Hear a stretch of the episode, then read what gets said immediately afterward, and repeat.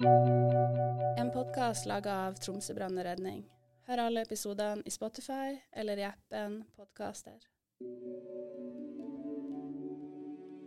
Året er 2013. Det er 17. november, og Jarle har vært på byen med gode venner. Det nærmer seg jul, og alle er pynta. Ei typisk helg i alle sitt liv. En gjeng har samla seg på kjøkkenet på nachspielet. De står i en halvsirkel, og Jarle drar som vanlig vitsene som får alle til å le. Etter hvert begynner folk å dra hjem til sitt, sånn som det vanligvis er på nach. Jarle setter seg i sofaen og gjør som han ofte gjør, sovner. Det han ikke husker, er at batteriet til røykvarsleren ble tatt ut tidligere på kvelden. Melding til Tango 111. Tango 112.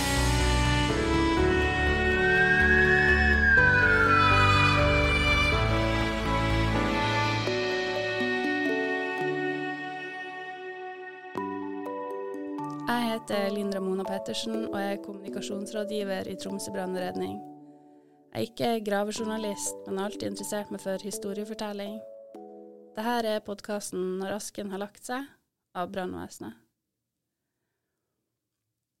Petersborggata ligger like over sentrum i Tromsø, og er en typisk plass å dra på nach.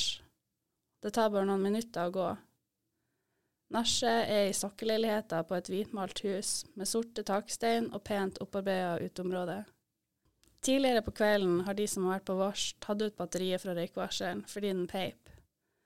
Det kommer til å få fatale konsekvenser. Dette er Tony Jensen, Jarle sin bror. Jarle var jo en person som var relativt stille og rolig fra mandag til fredag. Og så var det full fres fra fredag til søndag, tidlig søndagsmorgen. Og så var han en person som ofte i sosiale sammenhenger var, var et midtpunkt på, si, Som bror kan jeg vel si på godt og vondt. Han, eh, han, skapte mye liv rundt seg når han var i rette omgivelsene. Men ellers var han en veldig sånn stille gutt som egentlig ikke gjorde så veldig mye. Og eh, akkurat denne kvelden så ble det jo en sånn dag der han, eh, der han var i sitt ess. Vi hadde, hadde solgt leiligheta mi. Vi skulle ut og feire. Vi hadde ingen plan om å dra på fest i det hele tatt. Så vi hadde vært på kino og sett på uh, Thor, av alle avanserte filmer som finnes. Og så har jeg en kompis som heter Mila, da, som eide den leiligheta som det her skjedde i, som en gang i året på den tida brukte å arrangere en sånn stor fest. Altså, han hadde ikke festa så ofte, men han hadde så skulle det være ordentlig med hva det heter, sånn terte og smørgås og alt som de har på svensk. Han hadde liksom invitert mange folk der, da, venner av oss og venner av han, da som hadde kommet dit og spist. Og da er det sånn, det er ikke noe tull, det er liksom ordentlig sånn koldtbord. og det er, eh, Men hadde, jeg hadde egentlig ikke tenkt å dra, for at, jeg vet ikke egentlig helt hvorfor. Men, eh, men jeg hadde liksom sagt at jeg skulle komme innom. Så når vi var ferdig på kino, så kjørte vi, vi innom der da, og hadde ikke kledd oss noe annet enn en sommerklær, egentlig, selv om det var i november. Og eh, mens jeg parkerte bilen, så forsvinner han eh, Jarle inn før meg og går eh, ja, når jeg kommer inn, jeg har sikkert brukt to minutter på å få bilen ordentlig prekivert. Når jeg kommer inn da, så står han jo allerede med ei halv øl i handa og sier at vet du hva, vi, vi drar ikke hjem nå, vi, vi bodde i lag på den tida. Eh, vi skal ikke dra hjem nå, vi, eh, vi blir her. Her, er, her, skal vi være, liksom. Og da var det så var det egentlig en ganske bra kveld for oss. Vi var, eh, ofte når vi var på byen, så var vi litt forskjellige der. Han var en sånn som var høyt og lavt og på en måte irriterte dem han kunne irritere, og på en måte skapte god stemning for dem han på en måte ville skape god stemning for. Så ofte på byen så var jo jeg en person han kanskje kunne like å irritere, så vi var ikke bestandig at vi nødvendigvis fungerte så godt på en måte utafor eh, Nei, når vi var på byen i lag. Men akkurat denne kvelden så var det en sånn kveld der vi var bestekompiser hele, hele kvelden. liksom. Vi var på en måte, gjorde egentlig alt i lag og hang i lag hele tida. Og det er veldig mange av de, de nærmeste vennene våre rundt oss hele tida. Eh, så når vi var ferdig på byen, da, så dro vi på, eh, opp til Mila igjen på nachspiel, oppe i samme plassen som vi hadde vært. Der er det, er klassisk sånn toroms leilighet, litt sånn gammel leilighet. Du har en gang du kommer inn, så har du et kjøkken eh, som er og så ved siden av gangen og kjøkkenet så er det liksom ei stue der alle var. Men så var det veldig mange som samla seg på kjøkkenet, for der var det jo mat og det hender i hvert fall med meg at hvis jeg har vært på byen, at mat er interessant når jeg kommer, eh, kommer hjem. Og der var det alt mulig rart. Så vi står, eh, står egentlig i en sånn halvsirkel på det kjøkkenet. eh, og prater. Vi har han Mila, som er litt sånn kunstnerisk anlagt, han har jo lagd et sånt bilde. Altså fått malt et bilde av det her han, eh, scenario som sikkert varte bare kanskje en halvtime i løpet av hele kvelden. Men jeg tror alle husker liksom den halvsirkelen med Så den har jo mamma og dem oppe på, eh, på TV-stua deres. da, og Det er egentlig blitt veldig bra. Og så står vi, eh, står vi, så står jo flere av oss lent mot denne ovnen som er der, som er en sånn gammel ovn fra 1900, steinalderen, med sånn plate med topp på og sånne knopper som stikker ut. Og jeg tror det er det vi, i hvert fall det vi det jeg husker, er ikke sikkert det stemmer, men det jeg husker fra denne tida, så ble det fortalt at en av de her bryterne er kommet borti og vridd sånn at en ovn har stått på, og ovnen har på en måte varma eh, inn mot veggen, som igjen etter hvert har gjort at det, at det har tatt fyr i det her. Så husker jeg når sånn i jeg var ikke noe sånn, jeg er fortsatt, jeg har aldri vært noe sånn nachspiel-menneske, men Jarle elska nachspiel. Altså, og når han først sovna, så sov han også. Det var liksom ikke, det var ikke mulig å vekke han. Men sånn i femtida så finner jeg ut at jeg skal, at jeg skal gå hjem.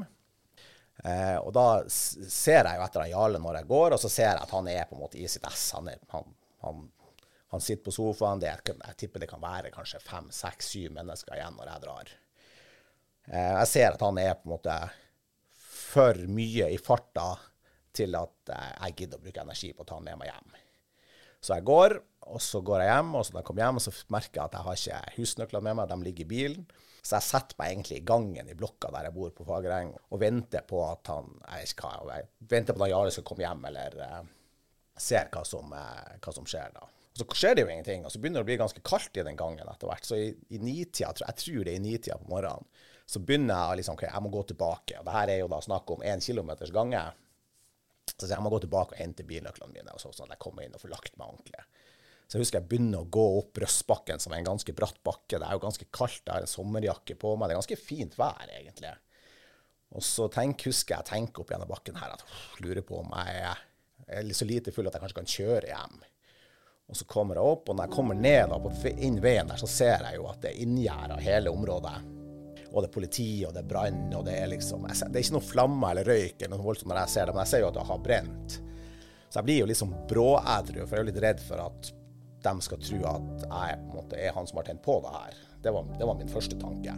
Så kommer jeg bort, og så kommer det en politimann bort til meg, eller en, i hvert fall en uni, uniformert mann. Og så spør jeg om jeg kan gå i bilnøkkelen med bilen og hente nøklene mine. Så sier han at det er greit, og så ber han meg sette inn, meg inn i politibilen. Så jeg tror jo på en måte de ser på meg som en eh, potensiell brannstifter. Og blir jo liksom bråædru og eh, prøver å oppføre meg ordentlig. Eh, så husker jeg at jeg tenkte når jeg så det her, at ah, det var godt at jeg i hvert fall Da ble jeg i alle fall ikke å kjøre hjem i fylla. Jeg tror ikke jeg hadde gjort det uansett, men, men, det var i hvert fall det hodet mitt sa der og da.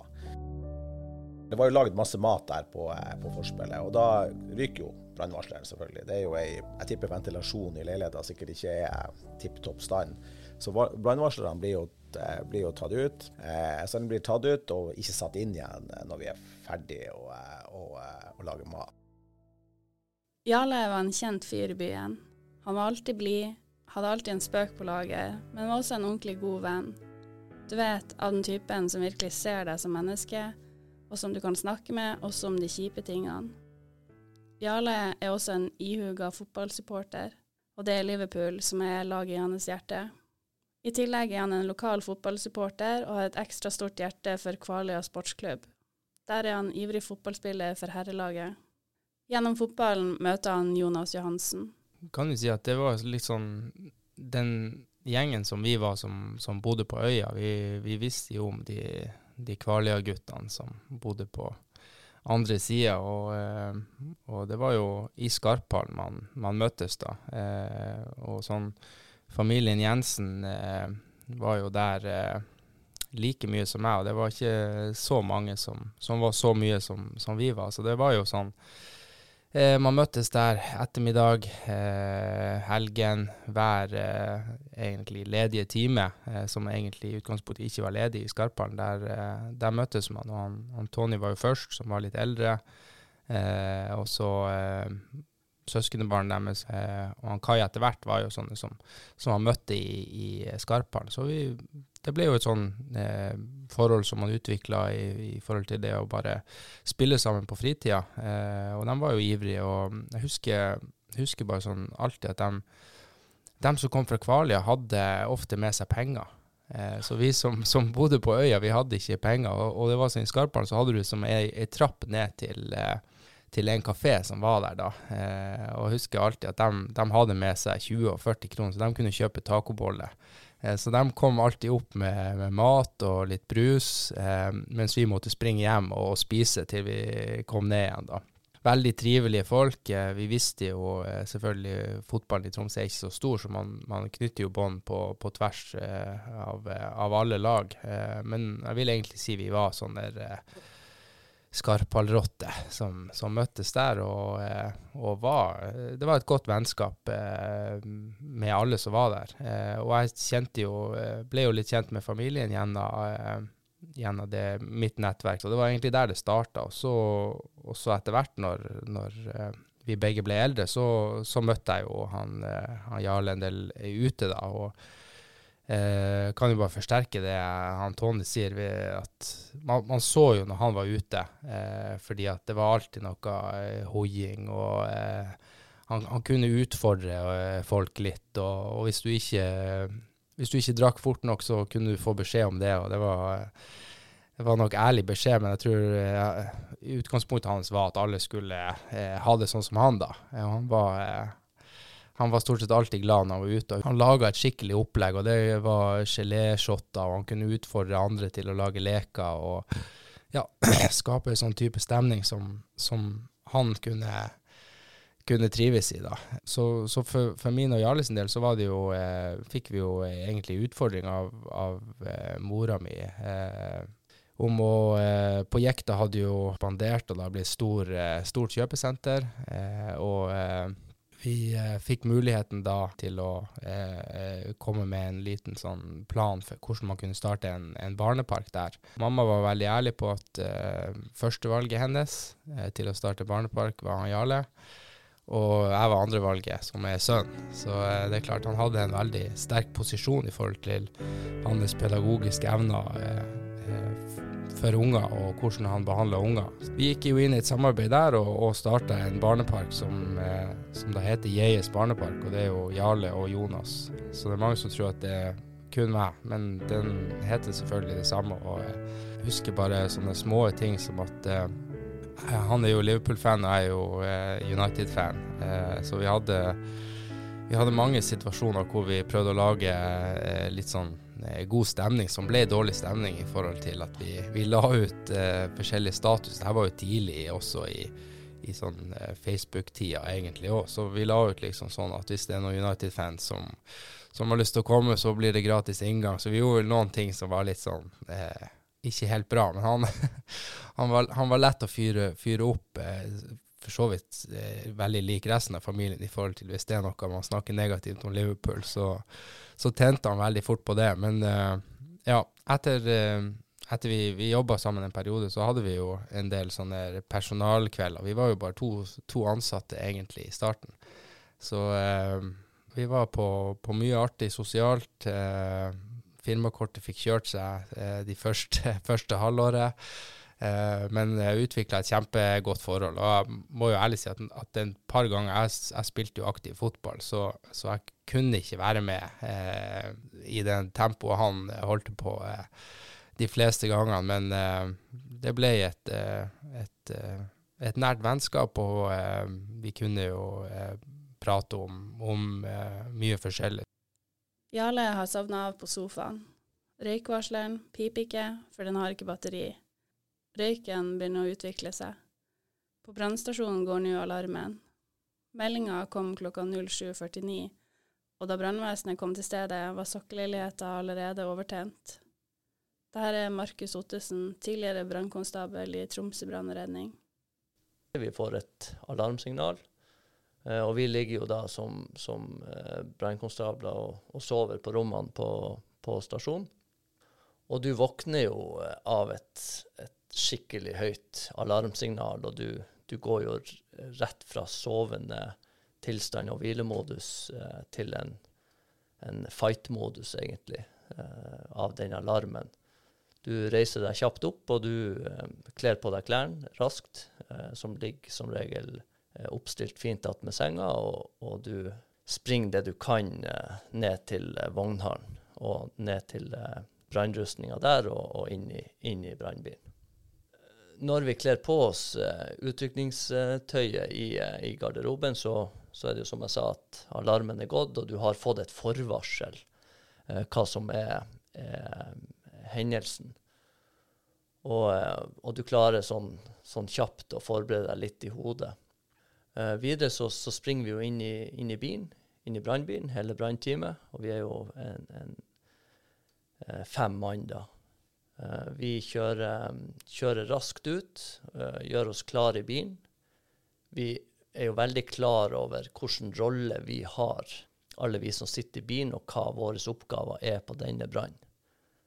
I tillegg til å forberede oss med utstyr og, og samband og det vi skal ha med oss inn i brann, så, så, um, så får vi også en, en nærmere beskrivelse fra utviklingslederen, som er leder på brannbilen.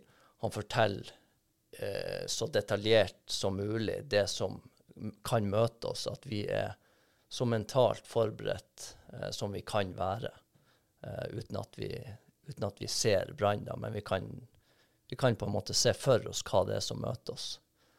Vi skjønte jo på et tidlig stadie at uh, denne brannen var en, en alvorlig hendelse, og det var bekrefta brann.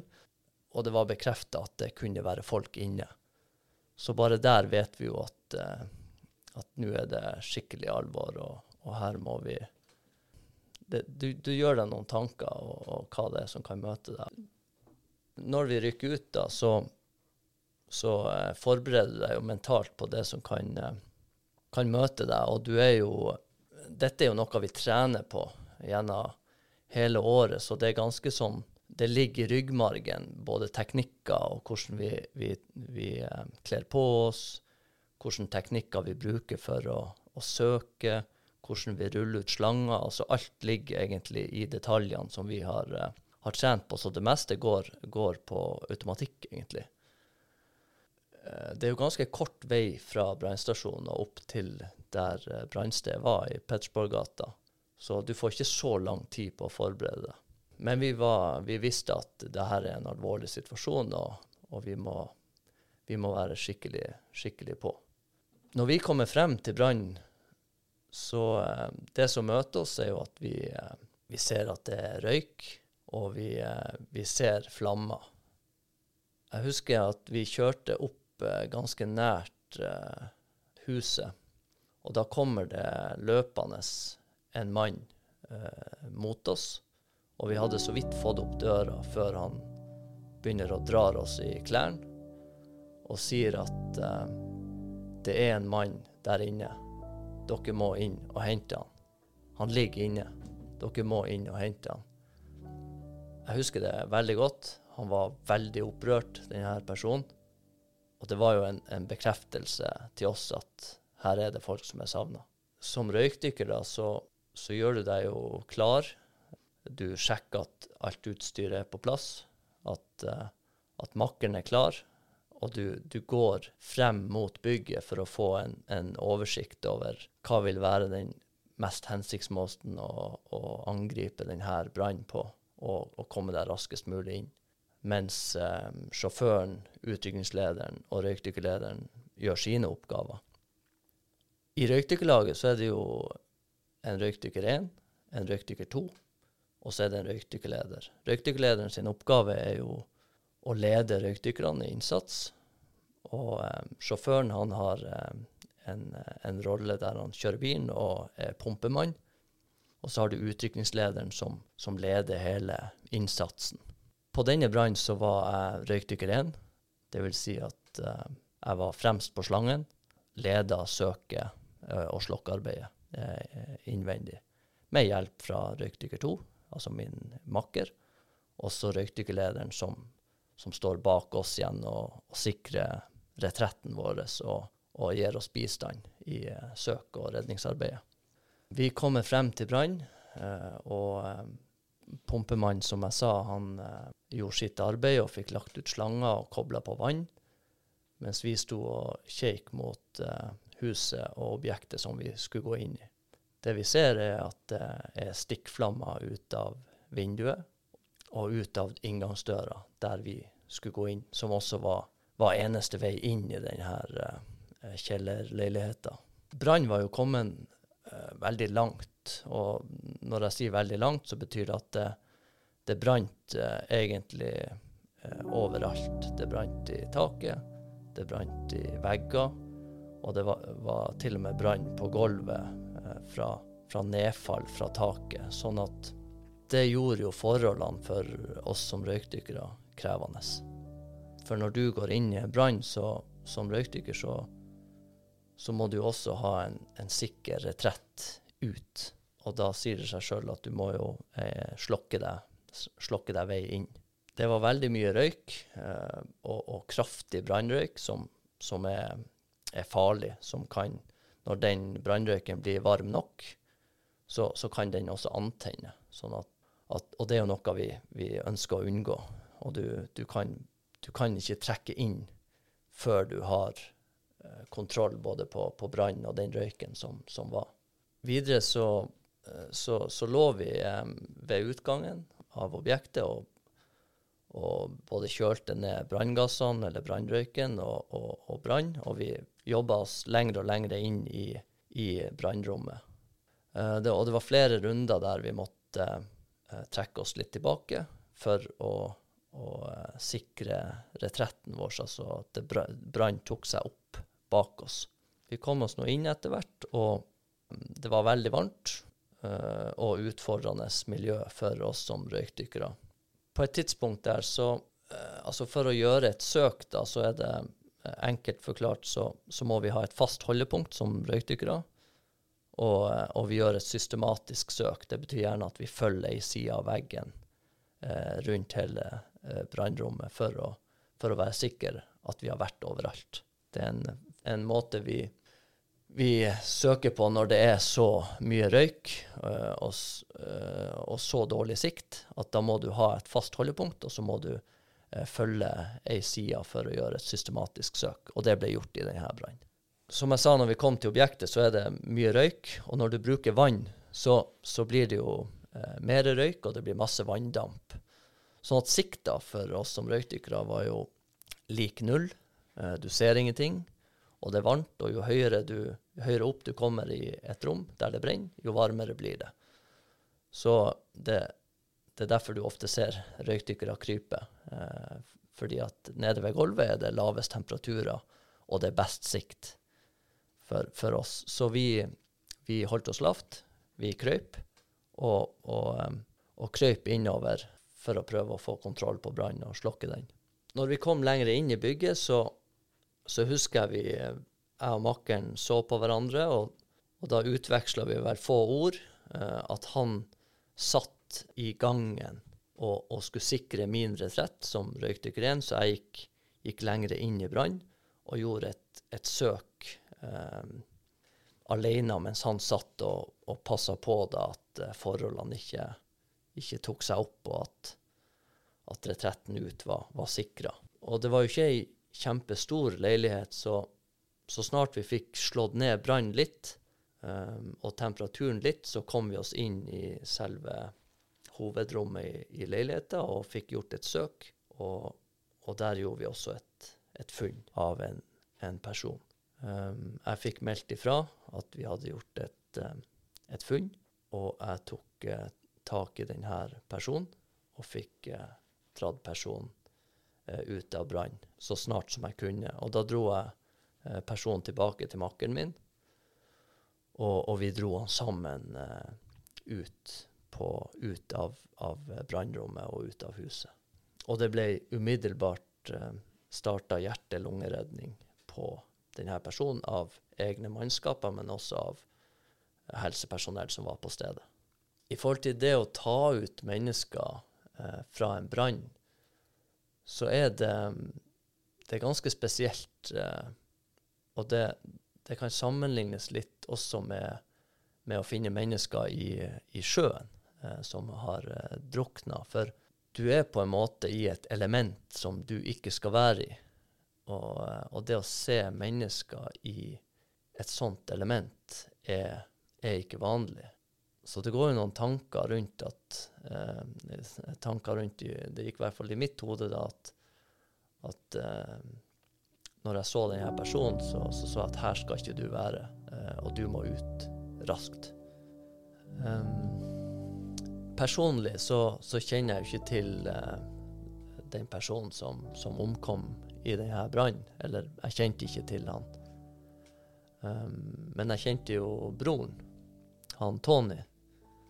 Um, jeg kjente han ikke så godt, men han, han jobba jo på det lokale treningssenteret som jeg brukte være mye på i den tida her. Så jeg visste jo godt hvem han var. Uh, rett etter vi hadde dratt ut uh, denne uh, personen fra brann, så, så, og det ble starta hjerte-lungeredning på, på personen, så, så, var det jo så var det ikke jeg som gjorde, gjorde det. Jeg hadde jo masse utstyr og sånn på meg, så, så, det var noen andre som, som tok over. Så jeg reiste meg, reiste meg opp litt og, og, og fikk tatt av meg eh, noe av utstyret og, og, fikk prøvd å komme meg litt. For det er jo klart det er en stor fysisk eh, belastning å være inne i de temperaturene og, og den innsatsen, innsatsen, som ble gjort der. Um, da husker jeg at jeg gikk imot ambulansepersonellet som sto litt lenger bort. Og, og, eh, og, da ser jeg opp på han Tony som kom til brann. Og da forsto jeg vel at, at de hadde en relasjon, og at det var kanskje var broren til han eh, Tony. Jeg husker jeg møtte blikket hans, og det er litt vanskelig å beskrive det, men men jeg vet ikke om han husker det sjøl, men jeg husker det veldig godt. Og, du, eh, du, så liksom at eh, ja, det her var ikke normalt. Det er litt vanskelig å si hva jeg tror at han Tony følte eller visste, for det, for det vet jeg jo ikke. Men jeg husker bare at han kom dit, og da visste jo jeg, eller skjønte jo jeg nettopp at det var den personen vi hadde tatt ut av brann.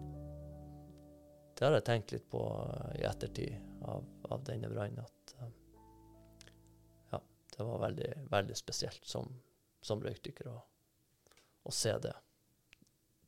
Ting gikk altså fra et sånn eh, brannmetodisk perspektiv gikk veldig bra, selv om utfallet eh, av hendelsen ble noe helt annet.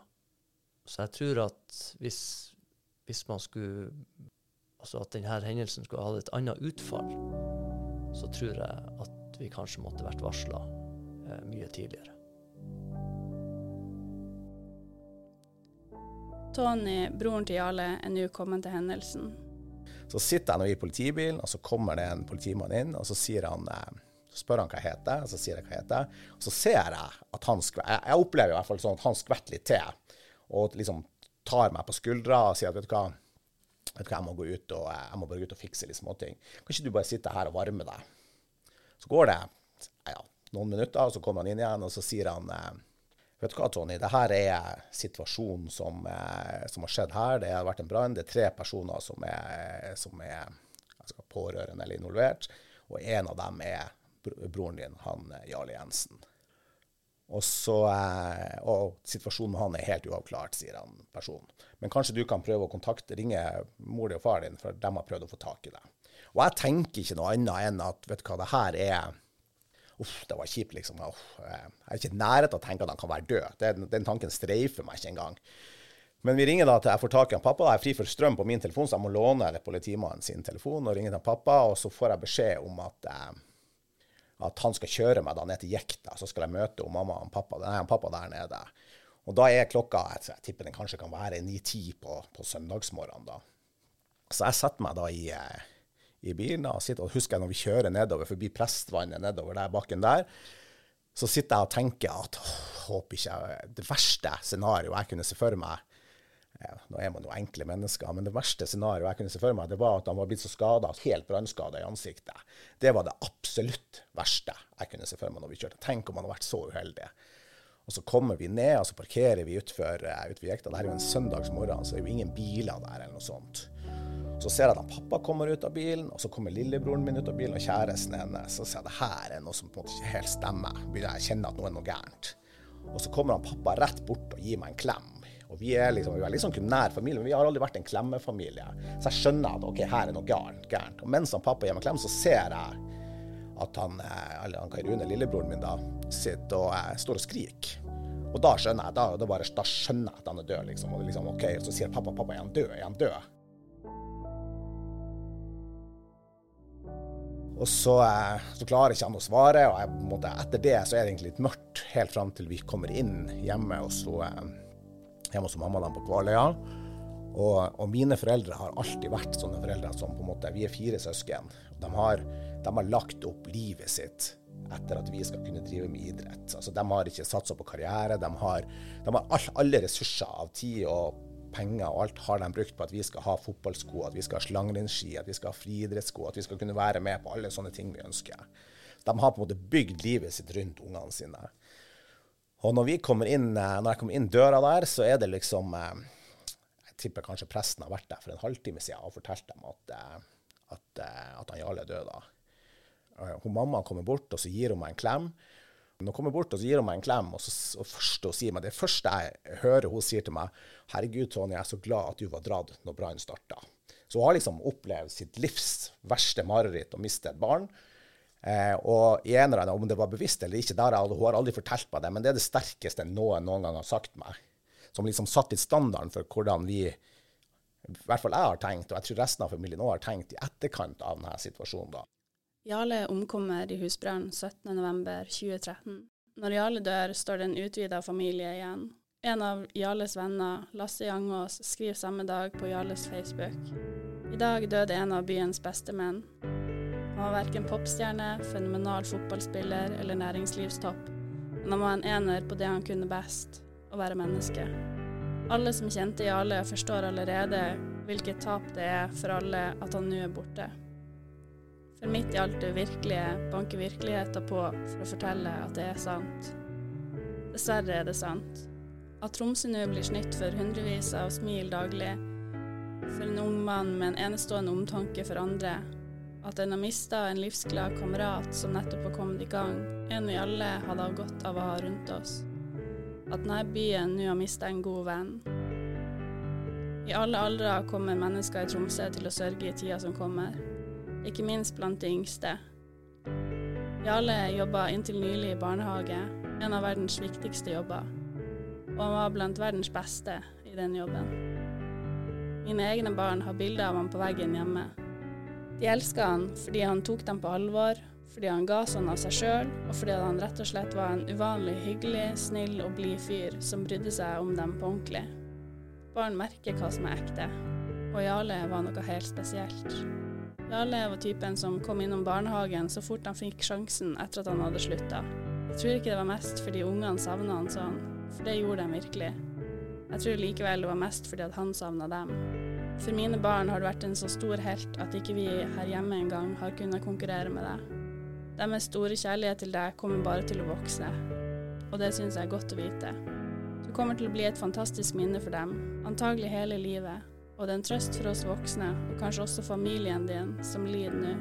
Jeg fikk vite det sjøl akkurat nå, og gruer meg til å fortelle ungene at du er borte. Aller mest fordi de kommer til å ta det så tungt. Det kommer til å knuse dem å vite at de aldri får møte deg igjen. Jeg gruer meg også fordi at jeg sjøl er så lei meg. Vi er mange som kommer til å savne deg, gode venn. I kveld er vi voksne her hjemme i sorg. I morgen tidlig er det mange småhjerter som skal knuses. De som aldri kommer til å glemme deg. De som du gjorde litt større. Det er Tony Jensen, bror til Jarle, igjen. Jeg husker på kvelden da på denne 17. november. På kvelden der så er vi eh, Jeg var fast bestemt på at jeg skulle ikke jeg skulle ikke være med og se han. Eh, jeg er ikke så tøff av meg. Jeg ser veldig tøff ut, men jeg er ikke så tøff som jeg ser ut. Så jeg, liksom, jeg hadde ikke lyst til å være med og se at han var død. Jeg har aldri vært noe sånn trygg på døden eller sykehus eller noe sånne ting. Så resten av familien eh, dro på denne syninga for å på en måte se han en, en siste gang da, før, eh, før, han ble gravlagt. da. Og da var jeg, jeg, jeg blånekta. Jeg ville at mitt minne skulle være at han hadde liksom en shot i handa og var i godt humør ute på byen. Så gikk nå dagene fram mot eh, begravelsen og syninga for de andre. Og så husker jeg folk, det var veldig mange som snakka med meg om de her tingene. Så var det en person som sa at Hun Og du har aldri hørt noen som angra på at de hadde vært med på syning, men hun hadde hørt veldig mange som eh, angra på at de ikke hadde gjort det. Så siste muligheten vi hadde, så dro jeg med, med tanta mi da, på, eh, på, for å se han liksom en siste gang. Og var, jeg husker jeg var, jeg var likbleik. Jeg ble jo der at jeg blir bleik bare jeg går inn på sykehuset. Jeg husker jeg, lik, jeg, gikk inn der, og det var liksom jeg var klam i hendene. Det var, det var, utrolig ubehagelig. Men så fikk jeg en sånn, når jeg kom inn dit, så fikk jeg på en måte en liten sånn ro over meg. Han, han ligger liksom med hendene folda. Han har Liverpool-drakt på seg, han er ordna på håret. Dette var jo i november, så vi hadde en sånn konkurranse om hvem som hadde liksom, Eller vi hadde ikke en konkurranse, men vi hadde bart av begge to. Eller han hadde ikke bart, for han var jo helt bleik, så, han, så den vistes jo ikke. Det er jo sånn dun som, som var der. Men den hadde jo da, enten så hadde de der sminkørene som hadde liksom ordna han, eller så var det Soten som hadde gjort så han hadde liksom sånn skikkelig svart, eh, markant bart, og der han aldri hadde. Og, eh, og det som i hvert fall var noe fint for min del, det var å se at han han så så fredfull ut. Altså, han så veldig tilfreds ut. Det var liksom ikke noe redsel i ansiktet. og Han var, så egentlig veldig fin ut i ansiktet. Veldig, veldig glad for at jeg tok det valget å faktisk gjøre det. da, For det ga meg en slags, slags ro, da, på et vis.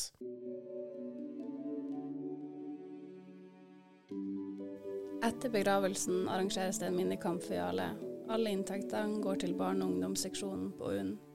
Eh, minnekampen ble jo arrangert i Skarpall, og eh, husker, jo, husker jo veldig godt eh, både eh, det felles lagbildet etterpå, som, som var veldig sterkt, eh, hvor begge lag eh, ja, samler seg for å ta et bilde. Og så husker jeg de som kom inn. For når, når, man spiller holdt på si kamp på høyt nivå, så får du ikke med deg noe om omgivelsene, egentlig. Du, du har jo egentlig bare fokuset på det som skjer i kampen. Eh, og, og klare å, å, stenge ute mye. Men, men det klarte eh, var veldig vanskelig for meg da i den her, og jeg spilte jo eh, si, profesjonelt eh, samtidig som denne kampen var. Men, men, jeg husker bare fra kampen at jeg så eh, ved inngangen, for i Skarpan er det bare én inngang. Eh, og det var sånn Ja, man blir jo helt For det, det kom inn masse foreldre med, med små unger. Eh, og satte seg på tribunen. Så jeg husker jeg så bare sånn hver mulighet ved inngangen når, etter kampen starta. Det bare kom mer og mer folk. Eh, og barn, da. Så det var eh, ja, veldig sterkt. 17.11 er det ti år siden Jarle gikk bort. 1.12 markeres røykvarslerens dag over hele landet. Dette er Stian Sørensen, brannforebygger i Tromsø brann og redning. Røykvarsler er en av de viktigste forebyggende tiltakene du kan gjøre i hjemmet ditt og på hytta.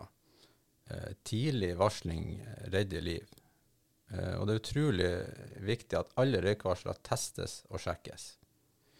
I Norge er det faktisk eh, et krav om å ha minst én røykvarsler i hver etasje. Vi anbefaler også å montere på soverommene, da folk har en litt skummel tendens til å lade både pad, mobil, laptop når de sover. Uh, når du skal teste en røykvarsler, uh, så har den en knapp på seg som du skal holde inni et par sekunder. Da vil du få en pipelyd som uh, gjenspeiler en identisk alarm, som ville gått av om den hadde oppdaga brann. Om en varsler har begynt å pipe med jevne mellomrom, da er det på tide å bytte batteri. Da blir det fort veldig viktig at du sjekker varsleren når du kommer på hytta etter en lengre periode. Uh, da kan varsleren ha stått og tappa seg helt fri for strøm og står nå med flatt batteri. Så ha det som huskeregel nummer én ved adkomst til hytta. Levetida på en uh, røykvarsler er mellom åtte til ti år. Det kan være litt avhengig av produsent, og i de fleste tilfellene så står det en utløpsdato på selve varsleren. Mange har gamle røykvarsler som gjerne fungerer om du kjører testknappen. Men det de ikke vet, det er at sensoren kan være tilstava eller ødelagt, og vil derfor gi dem falsk trygghet. Uh, Røykvarseldagen 1.12. er et samarbeid mellom Norsk brannvernforening, DSB, brannvesenet og Gjensidige. Med en standard røykvarsler så anbefales det å bytte batteri minst én gang i året. Uh, vi blir i hvert fall kjempeglade om du markerer denne dagen i kalenderen din. Flere har sikkert lagt merke til at vi fra brannvesenet har stått på kjøpesenteret denne dagen og leverer ut brannforebyggende informasjon. Dagen og tidspunktet å ha en egen dag for røykvarsleren 1.12. er ikke tilfeldig. Da desember er den måneden der det brenner mest i norske hjem. Vi anbefaler å ha seriekobla varslere. Seriekobla varslere betyr at hvis én varsler går av, så piper de andre automatisk. Og det er utrolig viktig. For når det begynner å brenne, så teller hvert sekund. Tidlig varsling vil gi deg tid til å slokke et branntilløp eller få alle ut av boligen i tide. Eh, Så vil jeg også legge til noe. Eh, Bruk gjerne litt tid på research når du skal skaffe deg en seriekobla røykvarsler. Vi har jo erfart at folk kjøper litt billige produkter, så har røykvarsleren gått av i tide og utide. Det fører til at de kobler dem ut i ren irritasjon og aldri monterer dem opp igjen.